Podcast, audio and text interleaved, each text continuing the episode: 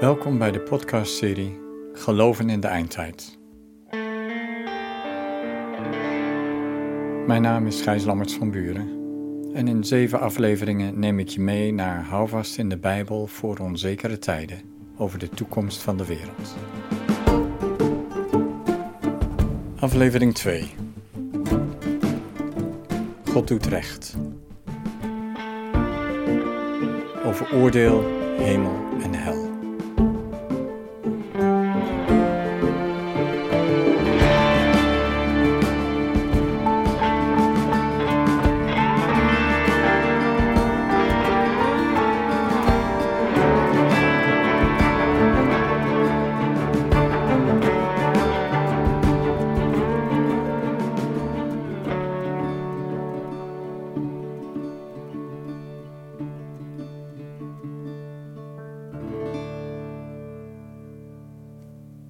Vroeger was het spreken over het oordeel van God over hemel en hel heel gewoon.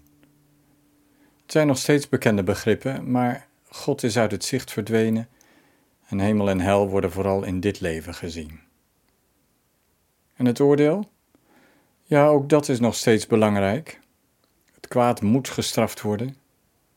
De rechtspraak in Nederland is overbelast, heeft het drukker dan ooit daar komt bij dat als een misdadiger in onze ogen een te lage straf krijgt, er zomaar publieke verontwaardiging op de social media kan ontstaan, met natuurlijk de daaropvolgende kamervragen. Voor de meesten van ons blijft rechtvaardigheid in het leven heel belangrijk. En dat begint al vroeg. Bij onrecht, hoe klein dan ook, roept het kind: Dat is niet eerlijk. Nee. Het leven is vaak niet eerlijk. Ook niet in het groot. Als het gaat over het recht tussen volken, tussen de armen en de rijken, tussen grootmachten onderling en de rest van de wereld. En dan kan de Verenigde Naties wel een regering veroordelen om bepaalde acties en een resolutie aannemen. Maar de politieke belangen zijn groot en eerlijke rechtspraak is dan niet het belangrijkste. De roep om gerechtigheid blijft. En zij die groot onrecht zijn aangedaan, zijn meestal getekend voor het leven. Waar is God in dit alles? Komt hij alleen voor gelovigen in beeld als troost in het leven na dit leven? De Bijbel laat een heel ander beeld zien. Het volk Israël weet aan den lijve van het oordeel van God al in dit leven en heeft in zijn geschiedenis zegen en vloek ontvangen. Maar het beeld is niet af. Veel onrecht blijft bestaan en is ongestraft gebleven. In Israël, in de kerk en in de wereld. God doet recht. Dat is de boodschap door de Bijbel heen. Hoopvol. De God van Israël heeft het laatste woord. Hij wordt rechter over de hele aarde genoemd. En hemel en hel zijn realiteiten die in de Bijbel gekoppeld zijn aan Gods oordeel. Wat leren wij uit de Bijbel over het laatste oordeel van God, de rechter over de hele aarde?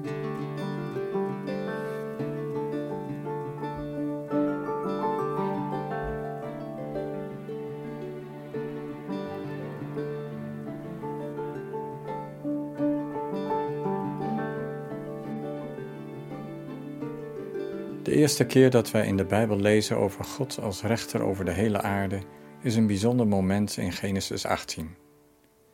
Er komen drie mannen op bezoek bij Abraham. Ze vertellen hem dat zijn bejaarde vrouw Sarah volgend jaar een zoon zal hebben.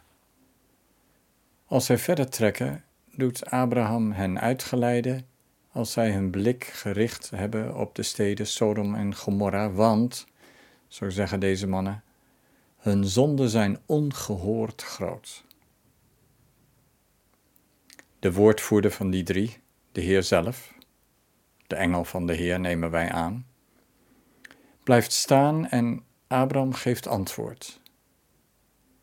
En in zijn reactie roept hij God eigenlijk ter verantwoording. Ik lees dat beroemde gesprek even voor uit Genesis 18, vers 23 tot en met 25. Abraham ging dichter naar hem toe en vroeg: Wilt u dan behalve de schuldige ook de onschuldige het leven benemen? Misschien dat er in die stad vijftig onschuldigen zijn. Zou u die dan ook uit het leven wegrukken en niet de hele stad vergeving schenken omwille van die vijftig onschuldige inwoners? Zoiets kunt u toch niet doen?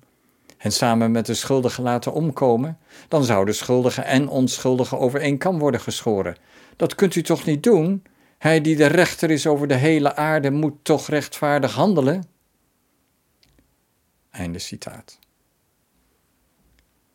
Het is een bijzondere gebeurtenis die geïnitieerd is door God zelf om, zo leren ons de rabbijnen, Abraham als vader van de volken te oefenen in rechtvaardig denken en handelen. Lees de voorafgaande verzen maar vanaf vers 17. Van Israël leert de kerk dat het rechter zijn van God voortvloeit uit het feit dat Hij de maker is van alles.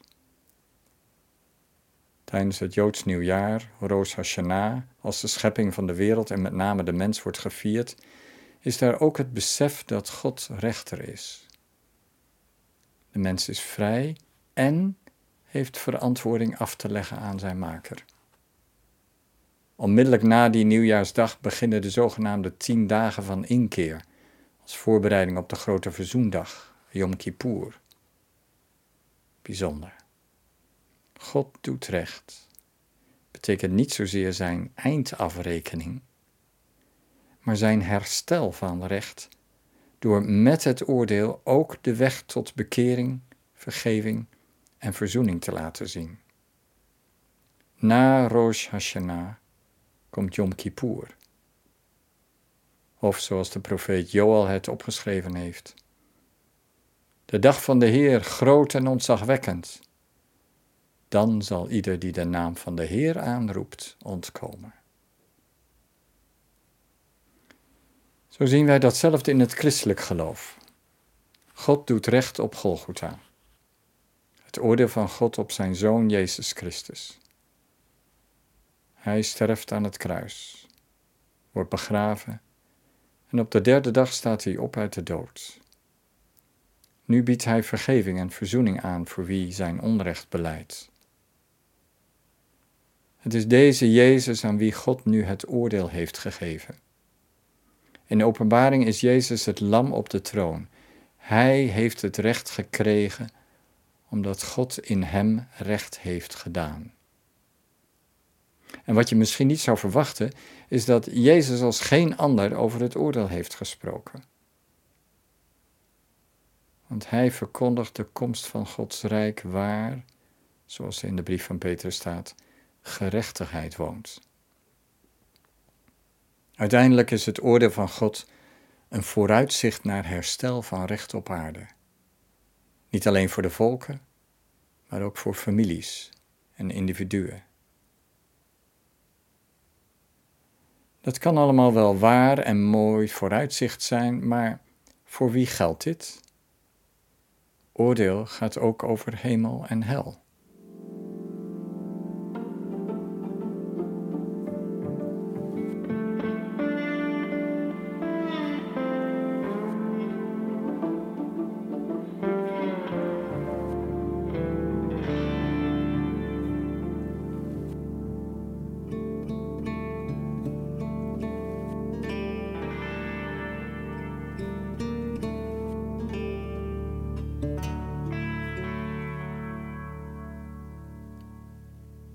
Wat weten wij over de hel?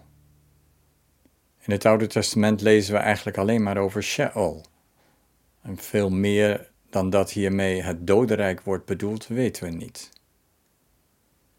Wat de hel betreft zouden we zelfs weinig tot niets hebben kunnen zeggen als Jezus daar niet over had gesproken tijdens zijn leven op aarde en in zijn openbaring aan Johannes. In het Matthäus-evangelie waarschuwt Jezus zeven keer voor het Gehenna, of zoals het in oudere vertalingen staat, het hellevuur of de hel. De naam Gehenna verwijst in de eerste plaats naar het dal van Hinnom, ten westen en zuiden van de oude stad van Jeruzalem. Een dal met een macabere geschiedenis waaraan de moloch is geofferd. En dat gebruikt werd voor afval en de verbranding daarvan. Poort die uitkomt op dat dal heet vandaag de dag ook de mestpoort. Jezus lijkt Gehenna als metafoor te gebruiken voor de plaats weg van Hem en dus weg van God. En dat is hel.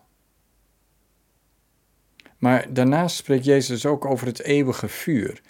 En met name in zijn boodschap over het laatste oordeel, wanneer hij de volken als schapen en bokken zal scheiden.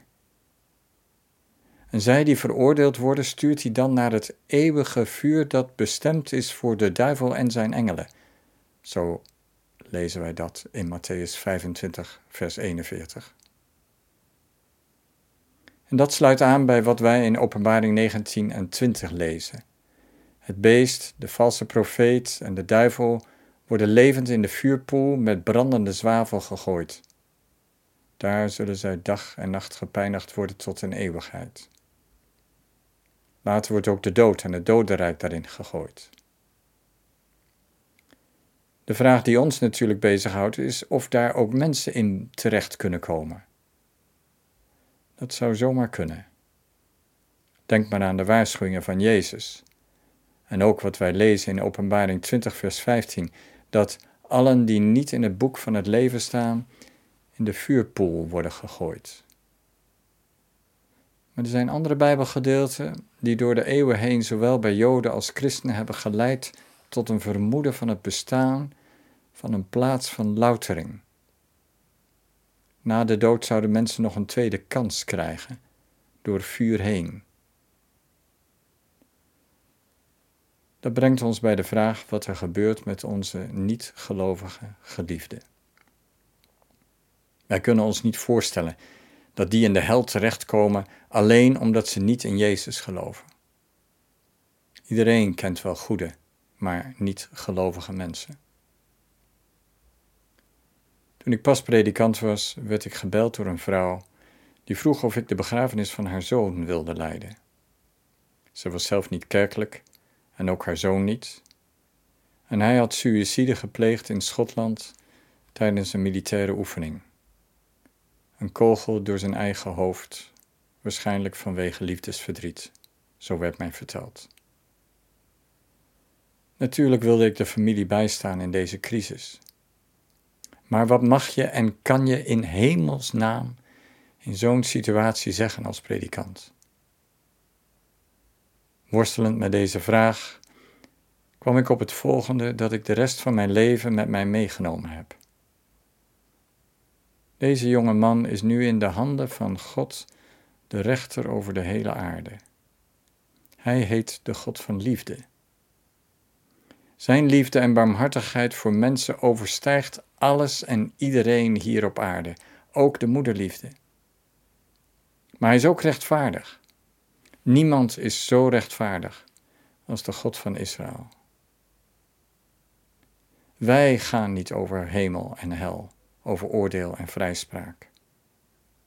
Die is door God aan Jezus gegeven. Over de gestorvenen hoeven wij ons dus geen zorgen te maken. Maar wij zelf staan voor dagelijkse keuzes. Wij worden uitgenodigd antwoord te geven aan de rechter over de hele aarde en aan Jezus, de verzoener, aan wie de rechtspraak is gegeven. En dan de hemel. Wat kunnen wij daarover te weten komen in de Bijbel? Voor het eerst wordt hemel genoemd in het scheppingsverhaal. Die wordt gemaakt door God.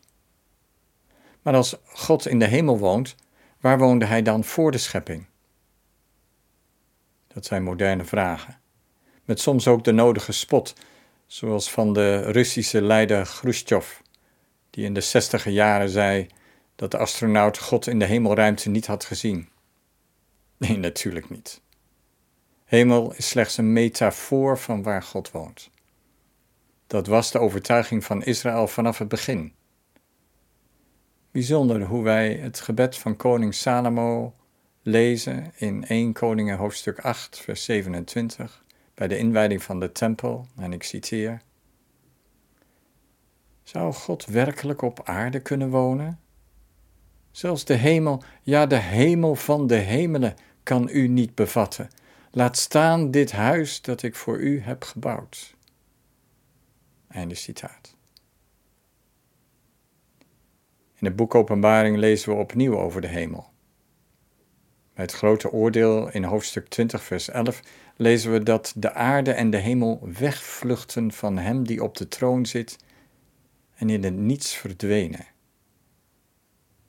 Even later in hoofdstuk 21. Ik zag een nieuwe hemel en een nieuwe aarde. Maar, en nou komt het bijzondere, want als in het eerste Bijbelboek scheiding gemaakt wordt tussen hemel en aarde, lezen we nu dat uit de nieuwe hemel de heilige stad Jeruzalem neerdaalt, bij God vandaan op de nieuwe aarde.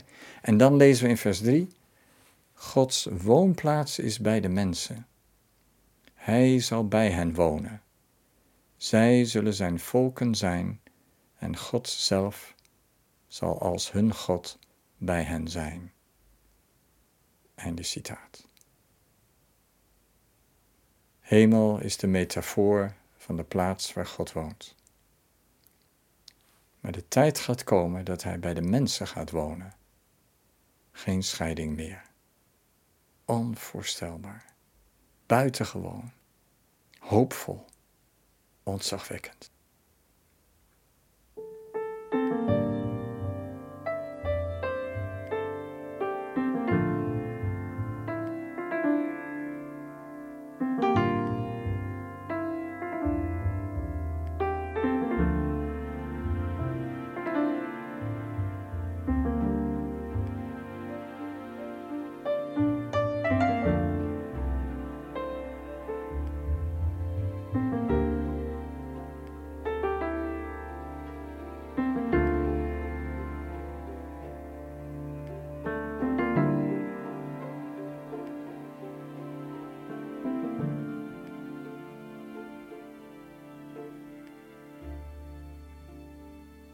Samenvattend drie dingen als houvast voor de eindtijd.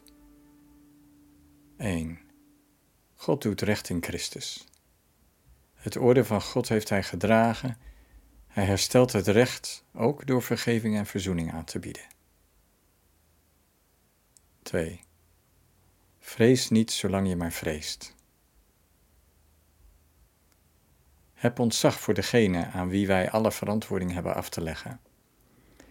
Leef de geboden voor het leven en je hoeft niet te vrezen. 3. Zie hoopvol uit naar Gods recht. Als toekomstbeeld lees ik zo de prachtige profetie uit Jesaja hoofdstuk 2, die in beton staat gebeiteld op een muur tegenover het hoofdkwartier van de Verenigde Naties in New York. Openingscitaat. Eens zal de dag komen dat de berg met de tempel van de Heer rotsvast zal staan, verheven boven de heuvels hoger dan alle bergen. Alle volken zullen daar samenstromen, machtige naties zullen zeggen: Laten we optrekken naar de berg van de Heer, naar de tempel van Jacobs God. Hij zal ons onderrichten, ons de weg wijzen, en wij zullen zijn paden bewandelen. Vanaf de Sion klinkt zijn onderricht. Vanuit Jeruzalem spreekt de Heer. Hij zal recht spreken tussen de volken. Over machtige naties een oordeel vellen. Zij zullen hun zwaarden omsmeden tot ploegijzers en hun speren tot snoeimessen.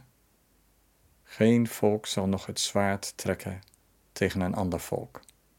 Geen mens zal meer weten wat oorlog is.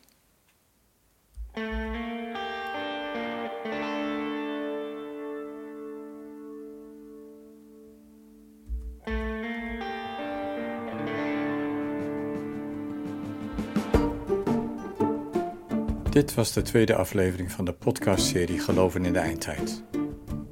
Dankjewel voor het luisteren. De volgende aflevering van Kwaad tot Erger gaat over het Harmageddon en de ontmaskering van het kwaad.